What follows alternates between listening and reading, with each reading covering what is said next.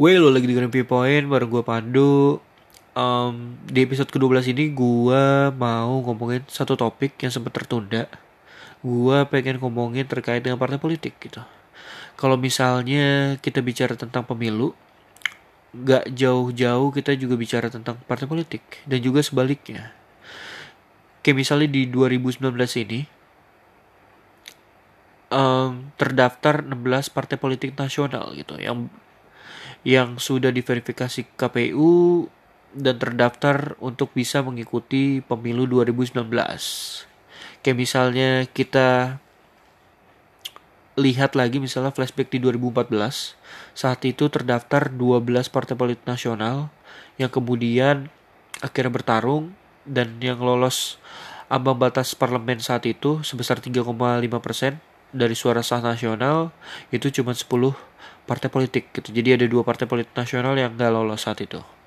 Nah misalnya di 2019 ada peningkatan ambang batas parlemen yaitu uh, sebesar 4 persen. Gitu. Jadi bukan jadi jadi misalnya dari 3,5 persen jadi 4 persen. Jadi ada peningkatan 0,5 persen dibandingkan dengan periode uh, pemilu sebelumnya. Dan dimungkinkan atas uh, peraturan ini, pengetatan ini akan terjadi penyederhanaan partai politik nantinya gitu. Jadi kita lihat aja 16 partai politik ini mereka akan bertarung untuk bisa lolos dan mendapat kursi di DPR. Jadi nanti um, kita lihat aja. Nah, untuk membedahnya satu-satu partai-partai mana aja yang kemungkinan bakal uh, lolos dengan mudah gitu ya? Dan mana partai-partai yang berada di zona abu-abu? Artinya mereka bisa lolos dan juga bisa enggak? Dan mana partai-partai yang sekiranya cuma jadi penggembira aja? Jadi ada tiga kategori yang udah gue coba uh, buat gitu ya berdasarkan nah, nah ini datanya gua mengambil data dari Litbang Kompas yang diterbitkan tanggal 21 Maret 2019 di harian Kompas mengenai elektabilitas dan resistensi partai politik gitu untuk menuju pemilu 2019. Nah, ini risetnya itu diadakan atau dilakukan pada Maret 2019. Jadi kayak misalnya di kategori pertama partai-partai mana aja sih yang sekiranya berada di zona aman gitu untuk bisa lolos ambang batas parlemen. Yang pertama otomatis uh, PDIP karena nanti gue jelasin kenapa mereka sangat uh, sangat tinggi gitu elektabilitasnya. Terus juga di part di di di peringkat kedua itu ada Gerindra sebesar 17,0 persen. Kalau misalnya tadi PDIP 26,9 persen elektabilitasnya. Terus juga di peringkat ketiga itu ada 9,4 persen dan yang keempat itu ada um, 6,8 persen gitu. Jadi menurut gua cuman ada empat partai yang berada di zona aman untuk bisa lolos ambang batas parlemen dan lalu partai-partai mana aja gitu yang berada di, zo di zona kedua yaitu zona yang menurut gua masih abu-abu bisa lolos dan bisa enggak gitu. Kalau kita lihat lagi data dari Litbang Kompas um, sebenarnya ada partai ada dua partai lagi sih berdasarkan riset ini yang udah lolos ambang batas parlemen yaitu Demokrat 4,6 persen PKS 4,5 4,5 persen dan PKS ya 4,5 persen. Jadi dua parpol ini sebenarnya udah lolos ambang batas parlemen menurut uh, Litbang Kompas. Tapi kenapa gue memasukkan di zona kedua gitu ya? Karena menurut gue angka PKS ini kan elektabilitas PKS misalnya selama ini kan digoyang oleh internalnya sendiri kan. Elitnya yang sedang digoyang segala macam bahkan banyak juga uh, aktivis gitu. Atau enggak organ partai yang akhirnya bergabung dengan Garbi gitu ya gerakan Indonesia. Gue lupa. Yang didirikan oleh Fahri Hamzah dan Anis Mata Anis Mata yang the gang pokoknya jadi ada perpecahan di PKS yang akhirnya menurut gue akan berdampak langsung pada tingkat keterpilihan mereka di pemilu 2019 terus juga kenapa gue memasukkan Demokrat untuk berada di zona kedua? 4,6 persen. Masih lolos tapi berada menurut gue berada di zona abu-abu gitu. Demokrat selama ini kan identik dengan Pak SBY gitu. Tapi sejak 2016 sejak pilkada DKI Demokrat berusaha untuk melakukan dalam tanda kutip rebranding gitu. Kalau misalnya sebelumnya diidentikan dengan Pak SBY, lalu diubah gitu ya diubah melakukan rebranding terhadap Agus Harimukti Yudhoyono di mana sebagai putra dari uh, Pak SBY dan menurut gue ini merupakan langkah yang cukup baik kita nggak usah ngebahas lagi kalau misalnya uh, Mas Agus masih muda karir uh, tentaranya karir ya ke karir tentara di TNI segala macam masih masih bisa naik segala macam enggak tapi kalau misalnya bicara konteks partai untuk menyelamatkan partai menurut gue memunculkan sosok AHY di pilkada DKI itu udah sangat uh, pantas. Bukan bukan sangat pantas sangat cocok gitu dan selama ini juga um, kita tahu sama tahu misalnya tantangan di 2014 Demokrat dihantam kan isu bukan hanya di bukan hanya dihantam isu tapi dihantam masalah internal terkait dengan misalnya Nazarudin dan lain-lain. Misalnya bahkan kalau nggak salah di 2014 LSI pernah melakukan survei terkait dengan elektabilitas Partai Demokrat. Jadi uh, eh, gue lupa rentangnya bulan apa ke bulan apa tapi intinya kasus itu berdampak langsung terhadap elektabilitas dari Demokrat jadi misalnya sebelumnya sekitar 20-an persen kemudian dihantam uh, isu-isu internal gitu masalah-masalah internal akhirnya menjadi sekitar belasan persen gitu. Nah menurut gue langkah yang dilakukan oleh Partai Demokrat dalam hal ini uh, Pak SBY sebagai ketua umum gitu ya cukup tepat untuk melakukan rebranding terhadap partai tersebut gitu. Dengan memunculkan atau menaikkan AHY di pilkada DKI dan juga um, untuk di 2019 terkait dengan rebranding ini kan udah gak lagi ke Pak SBY orang tahu gitu kalau misalnya Demokrat ya SBY gitu. Tapi dengan melakukan rebranding dengan melakukan atau mendorong anaknya sendiri untuk bisa dalam tanda kutip uh, meneruskan karir politik ayahnya menurut gue udah cukup tepat gitu se, se apa namanya semata-mata ya buat nyelamatin partai sih sebenarnya kayak gitu Demokrat um, sama PKS gue masukin ke zona abu-abu. Kemudian partai mana lagi yang berada di zona abu-abu? Uh, menurut gue ada ada Nasdem. Sebenarnya gue cukup justru sebenarnya gue malah cukup firm memasukkan Nasdem di zona pertama daripada harus memasukkan PKS walaupun menurut Litbang Kompas ini elektabilitas Nasdem itu cuma 2,6 persen dibandingkan dengan PKS misalnya 4,5 persen.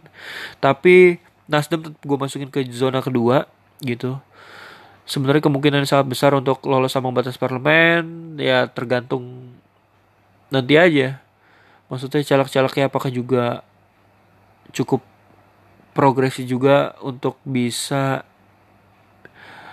uh, mengkampanyekan bukan hanya mereka tapi juga partainya gitu.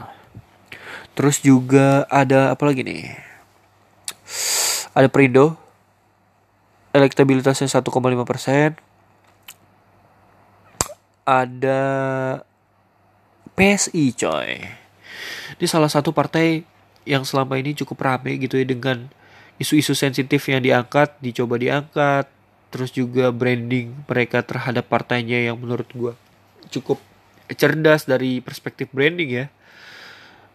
Um, kampanye kampanye kampanye juga nggak kaku caleg-calegnya banyak yang berkualitas. Dan menurut gua uh, ini juga menjadi terobosan baru bagaimana menjaring caleg-caleg untuk bisa bertarung di uh, Pileg 2019. Kita tahu sama tahu kayak misalnya selama ini partai-partai petahana atau partai-partai lama kan cuman mendorong orang-orang yang berada di circle-nya gitu. Misal an, lo anaknya siapa apa segala macam atau enggak lo punya duit berapa untuk bisa dapat nomor urut satu atau dua gitu. Jadi bukan hanya itu tapi juga misalnya caleg-caleg PSI di di tes gitu ya. Ada tim tersendiri yang dibentuk oleh uh, eh, PSI untuk bisa menjaring caleg-caleg berkualitas gitu. Dan terbukti ya gitu, misalnya ada beberapa nama caleg PSI yang menurut gue mereka sangat pantas untuk duduk di parlemen. Jadi besar harapan gue sebenarnya PSI ini bisa lolos uh, ke, par ke parlemen gitu. Bukan apa-apa, tujuan gue cuma satu gitu.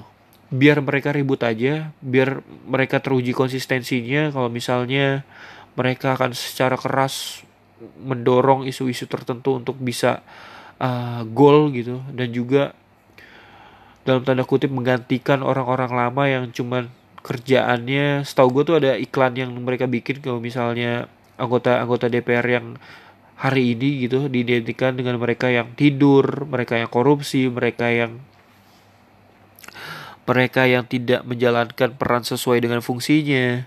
Jadi mereka melakukan branding untuk mendobrak status quo tersebut. Dan kalau emang mereka konsisten gue sangat mendukung juga gitu PSI untuk bisa lolos ke parlemen. Ya biar rame aja. Terus juga ada apa lagi nih? Ada Perindo. Gue gue nggak punya bayangan apa pun sih terkait dengan Perindo. Walaupun elektabilitasnya itu sekitar 1,5 persen yang gue hafal cuman hari tanunya doang gitu. Yang lainnya gue sama sekali nggak tahu. Oh selain Haritano ya Marsnya Perindo gitu. Yang bahkan anak kecil aja bisa bernyanyi gitu. Bisa, bisa hafal bernyanyi kan. Terus juga apalagi nih?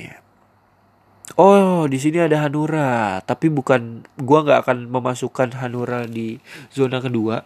Walaupun elektabilitas menurut Litbang Kompas ini sama dengan PSI gue justru optimisme eh optimisme gue terhadap PSI lebih besar daripada Hanura untuk bisa lolos ke uh, lolos sama batas parlemen. Jadi itu, jadi ada Nasdem, ada PKS, ada Demokrat, ada PAN, ada PSI dan juga ada P3. Prindo um, I don't think so gue di zona ketiga gue memasukkan PKPI, PBB, Hanura yang tadi gue bilang gitu. Walaupun elektabilitasnya sama dengan PSI tapi gue sangat firm banget Hanura nggak bakal lolos sama batas parlemen. Terus juga ada uh, Prin uh, Perindo mungkin. Perindo juga mungkin gak lolos walaupun elektabilitasnya di atas PSI dan juga berkarya dan Garuda gitu. Jadi ada mungkin nanti dari 16 partai politik nasional yang akan lolos ke parlemen cuma 9 sampai 11 partai gitu. Dan mungkin bisa di bawah itu juga. Bisa 8 8 partai doang gitu. Tapi uh, menurut gue jumlah yang akan lolos itu sekitar 9 sampai 11 partai. Jadi kita lihat aja. Oh iya, yeah, gue belum analisis juga kenapa misalnya uh, eh, PDIP dan Gerindra gitu ya. Di sini tuh sangat jauh banget gitu tingkat elektabilitasnya dibandingkan dengan partai politik lain. Jadi kalau misalnya di uh, pilpres sama pileg 2019 ini kan ada, ada istilah efek ekor jas gitu. Nah PDIP dan Gerindra ini sedang menikmati efek ekor jas itu. Apa itu efek ekor jas ya enggak yaitu suatu kondisi di mana partai-partai ini kedua partai ini mendapatkan insentif elektoral dari pengusungan iya atau apa ya bahasanya iya pengusungan. Pengusungan capres Jokowi dan capres Prabowo gitu. Jadi PDIP dapat insentif elektoral dengan uh, apa mencalonkan Pak Jokowi dan juga Gerindra mendapat insentif elektoral dari pencalonan Pak Prabowo gitu. Nah, sedangkan nasib-nasib parpol yang lainnya itu kayak gimana? Partai pengusung lainnya itu kayak gimana? Kayak misalnya uh, Pak Jokowi aja didukung oleh banyak parpol cuy. Misalnya yang gue inget nih ya ada PKB itu pasti uh, eh, PKB ada Golkar ada Nasdem tiga tuh ada P3 4 PSI 5 uh, Hanura 6 ada PBB dan juga PKPI ada 8 ada 8 partai yang mendukung Pak Jokowi. Dan bahkan kalau nggak salah tuh ada 10 partai ya. 10 partai yang mendukung Pak Jokowi. Gue lupa. Gue lupa secara persis gitu. Tapi cuma dua ini doang gitu ya mendap yang mendapat insentif elektoral dari pencalonan capres cawapres gitu. Sedangkan partai-partai pendukung lainnya itu mereka merasakan kalau misalnya tidak ada efek ekor jas secara langsung bagi partainya mereka gitu. Bagi partai mereka jadi mereka harus kerja ekstra kerja keras gitu. Dan membagi konsentrasi gitu. Apakah harus memenangkan capres cawapres atau apakah harus berkonsentrasi untuk bisa lolos sama batas parlemen? Dan itu dan ini adalah sebuah pilihan yang menurut gue dilematis gitu ya. Dilematis yang harus dilakukan oleh oleh setiap partai politik khususnya mereka yang uh, berada di zona tidak aman gitu uh, jadi itu bicara tentang parpol bicara tentang kemungkinan-kemungkinan partai yang akan uh, lolos dan gak lolos dan jumlah partai yang sekiranya bakal lolos itu ada berapa. Karena gini, kita uh, bicara tentang partai. Misalnya di uh, di 2000 eh di, di di di 2000 ya. Di 2019 aja gitu ya. Partai yang mendapat suara di atas 3% itu ada berapa partai sih? Cuma ada 9 partai cuy. Di 2004 itu ada 7 partai dan di 99 itu ada 5 partai. Jadi menurut gua penyederhanaan partai politik jadi menjadi sebuah keniscayaan dari ambang batas parlemen yang ditetapkan cukup tinggi gitu. Tapi sisi negatifnya atau kontranya itu tidak memberikan akhirnya kemudian peluang terhadap partai-partai baru atau partai-partai yang kecil yang masih merintis gitu untuk bisa mendobrak status quo dominasi dari para petahana yang kita lihat kan tahu sama tahu gitu. Misalnya terakhir uh, dari total 500-an anggota DPR yang hadir itu cuma sekitar 20-an dan yang memalukan adalah yang absen atau yang memberikan tanda kehadiran itu sekitar 200 200-an orang gitu. Gua nggak tahu itu bisa terjadi kayak gitu tuh kayak gimana. Walaupun kita bisa memaklumi juga kalau misalnya mereka juga fokus ke daerahnya masing-masing untuk mengkampanyekan diri mereka gitu. Sehingga mereka kemudian tidak bisa mengikuti rapat paripurna. Tapi menurut gue itu nggak bisa jadi dijadikan excuse juga gitu. Karena lo komit atau berada di uh, legislatif gitu ya.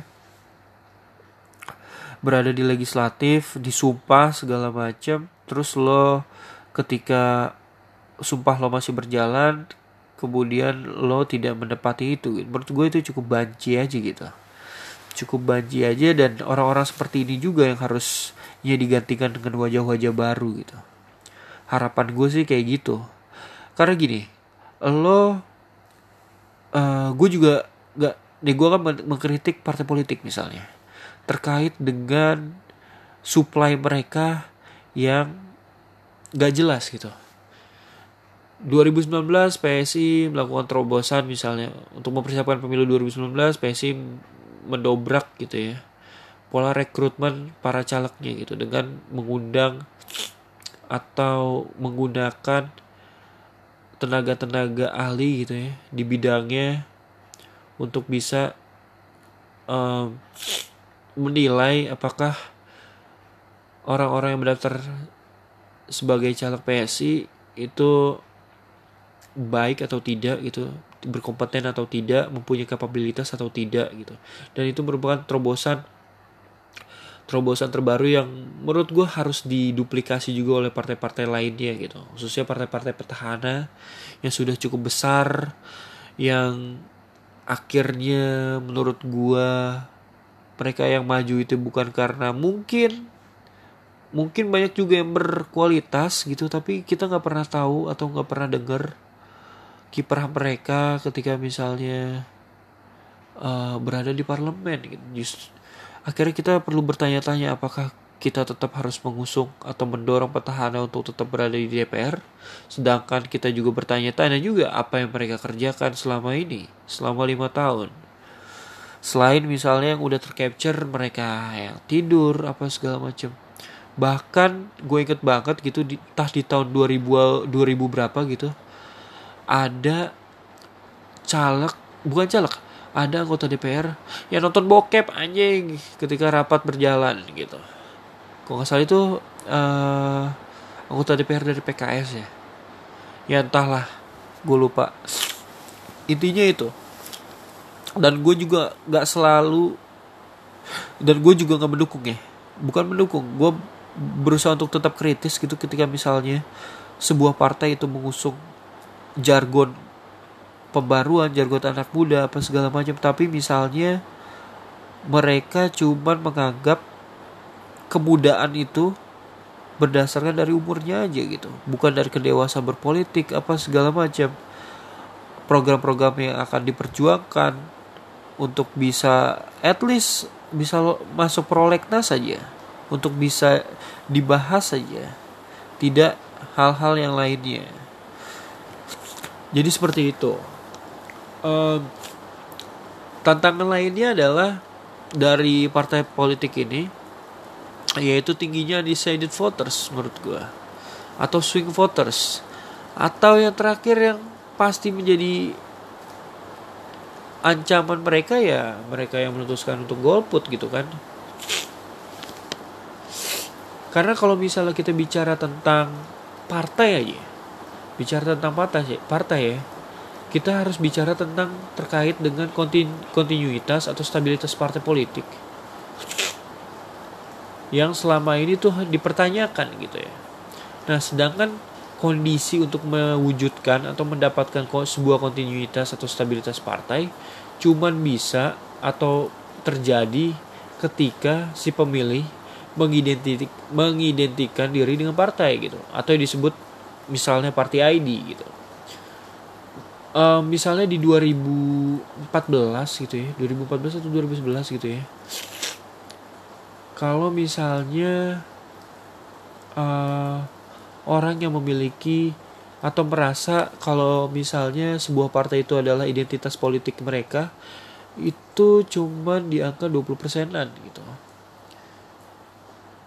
Artinya sisa 80% lainnya ya mereka akan wait and see gitu, akan melihat siapa yang diusung aja gitu. Kayak misalnya uh, uh, misalnya di 2014 gue pilih PDI, di 2019 bisa jadi gue pilih yang lain karena gue anggap misalnya oh partai ini membawa pembaruan, visi dan misinya juga oke, okay, terus juga tidak ada uh, anggota DPR dari fraksi mereka yang ditangkap KPK dan lain-lain gitu. Dan menurut gue faktor supply side dari partai politik ini yang perlu dibenahi gitu sehingga kemudian caleg-caleg berkualitas bisa muncul gitu di dari partainya gitu. Jadi ributnya itu dan di dalam internal partai dulu. di dalam proses penjaringan calon legislatif. Karena kalau kita bicara pileg, ini bukan bertarung type antar partai, tapi juga di dalam partainya juga mereka bertarung. Gitu ya kan? Apalagi kendala lainnya adalah di surat suara nanti tidak ada gambar foto atau pas foto dari uh, para caleg ini gitu. Jadi cuma nama doang dan kita harus dituntut untuk tahu siapa dia partainya apa segala macam. Jadi nanti di bilik suara dipastikan seharusnya orang-orang yang ketika akan mencoblos gitu mereka udah tahu akan mencoblos siapa gitu. Karena nggak ada foto yang bisa mengingatkan mereka dengan orang-orang yang yang selama ini mereka lihat di baliho gitu. Jadi seperti itu. Belum lagi um, terkait dengan terkait dengan kepercayaan publik terhadap partai politik yang mungkin angkanya gue nggak tahu angka pastinya yang jelas tuh dua apa ya gue pengen bilang apa nih? Lembaga misalnya. Ya dua lembaga partai politik dan DPR ini selalu diidentikan oleh publik gitu diingat oleh publik sebagai institusi yang korup aja gitu. Jadi menurut gue ke depannya kalau sebuah partai itu ingin survive bukan hanya memerhatikan unsur-unsur atau memenuhi unsur-unsur administratif dari sebuah um, apa ya? Karena gini kalau lo emang serius berpolitik sebuah partai ingin serius berpoli, berpolitik gitu ya ingin benar-benar emang berjuang gitu ya berjuang dan visi mereka untuk Indonesia gitu misalnya ketika misal di parlemen mereka menghasilkan undang-undang yang berkualitas memunculkan uh, terobosan-terobosan baru dan lain-lain dan bukan malah tidur. Bukan malah tidur atau nggak mangkir atau nggak asal-asalan bikin RUU kayak misalnya terakhir yang habis-habisan RUU permusikan yang ternyata banyak dalam tanda kutip uh, cacat dalam penyusunannya gitu. Dan kemudian publik bertanya dong ketika misalnya salah satu RUU mendapat sorotan seperti itu dan ternyata dibedah tidak memiliki kualitas yang sangat tidak memiliki kualitas yang bisa dibilang mumpuni gitu ya untuk bisa kemudian lanjut ke proses selanjutnya mereka tentu bertanya gitu jadi apakah produk-produk legislasi yang lain juga memiliki kualitas yang sama dari apa namanya uh, memiliki kualitas yang sama dengan RUU permusikan yang beberapa bulan yang lalu sempat jadi perdebatan gitu. Justru kita harus menurut gua mendorong partai-partai ini bisa membenahi dari sisi supply-nya gitu untuk di pemilu-pemilu pemilu ke depannya gitu. Jadi kalau misalnya supply-nya ini dibenerin ada mekanisme yang jelas ketika mereka harus uh, mekanisme yang jelas ketika melakukan penjaringan uh, caleg sehingga dalam internal sendiri aja ya udah gitu. Ini all starnya gue gitu caleg-caleg yang berkualitas yang gue usung gitu. Nggak peduli nomor urutnya kalau emang mereka berkualitas ya udah siapa pun dari mereka ya kita percaya kalau mereka mampu bekerja gitu. Dan mengerti gitu program-program apa yang akan diperjuangkan gitu. Akan setidaknya memiliki gambaran oh gue akan masuk komisi ini. Apa yang nilai-nilai yang akan gue perjuangkan gitu jadi jadi seperti itu gitu jadi kemungkinan nanti di 2019 ini ada sekitar 9 sampai 11 persen gitu. Eh bukan, 9 sampai 11 parpol yang akan lolos parlemen. Dan ini menurut gue ya. Karena gue selalu percaya kalau misalnya dari 9 partai nanti misalnya yang lolos uh, ambang batas parlemen kalau misalnya mereka juga punya ideologi yang sama ya kenapa enggak kalau misalnya membatas parlemen ini akhirnya membatasi mereka untuk bisa lolos ke DPR karena gimana? Setiap partai ini kan harusnya menawarkan sesuatu yang beda gitu ya. Dari sisi ideologi nilai-nilai diperjuangkan dan lain-lain. Tapi kelihatannya tuh kayak kita memakai baju yang sama dengan warna yang berbeda aja gitu jadi seperti itu kita harus mendorong juga partai membenahi dari supply side-nya karena dari sisi demand kita udah terlalu banyak gitu mengharapkan sesuatu dari kerja kerja-kerja yang dilakukan oleh para anggota DPR gitu. Nah, dalam konteks 17 April ini kan selama ini uh, narasinya itu selalu dikaitkan dengan Pilpres dan Pilpres gitu. Sedangkan ada lagi sesuatu yang lebih besar yang berbarengan dengan um, pencoblosan atau pemilihan uh, presiden dan wakil presiden yaitu ya tadi kita akan memilih eh, orang-orang yang seharusnya berkualitas di tingkatan uh, legislatif gitu baik misalnya untuk DPR RI, DPR provinsi atau kabupaten kota. Jadi itu sih menurut gua. Dan PR bersama ini menurut gue yang harus dipecahin oleh para petinggi parpol seharusnya atau para peneliti yang seharusnya bisa memberikan masukan kepada para parpol gimana caranya rekrutmen yang benar, apa aja yang harus diperhatiin dan lain-lain gitu. Jadi um, kemungkinan gua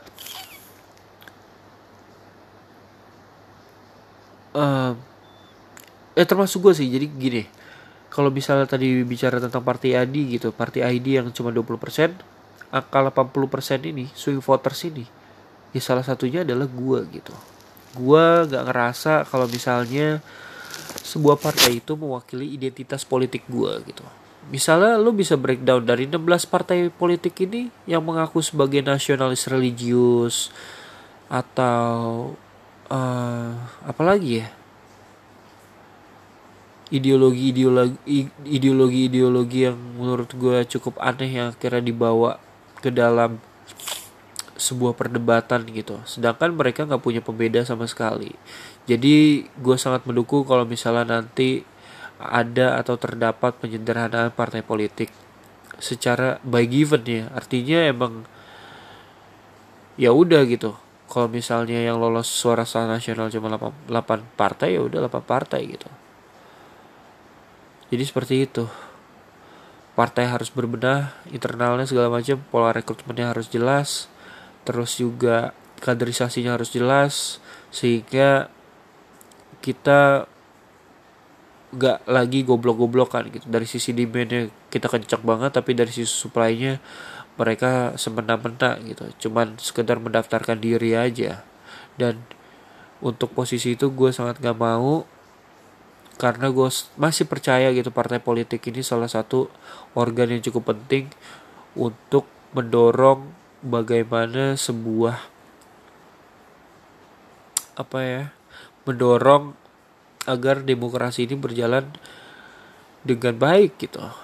Karena mengapa ya dari para kader-kader di partai-partai ini ya sebuah kebijakan bisa lahir gitu. Jadi gue menaruh harapan di situ bukan hanya kita dijejeli oleh dagangan yang menurut gue udah jelek masih nekat didagangin lagi. Nah seharusnya tuh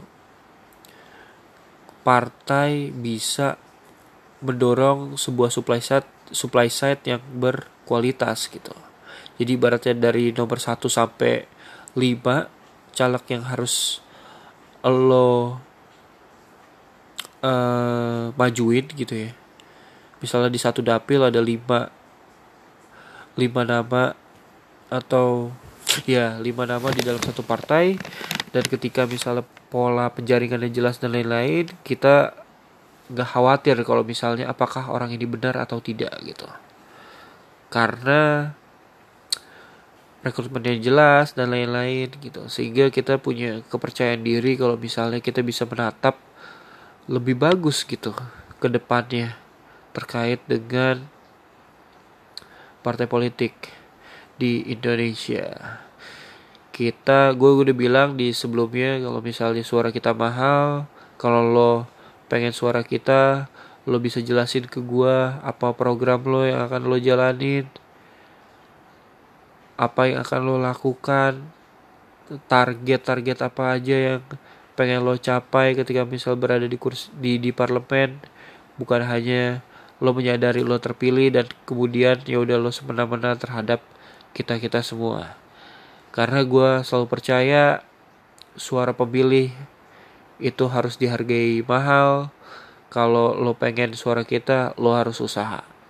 Ya udah dari gue itu aja mengenai partai politik dan bagaimana sebuah partai politik itu harus berbenah untuk bisa mendorong caleg-caleg berkualitas untuk maju untuk duduk di parlemen dan memberikan suatu perubahan tidak lain dan tidak bukan untuk memajukan demokrasi yang selama ini um,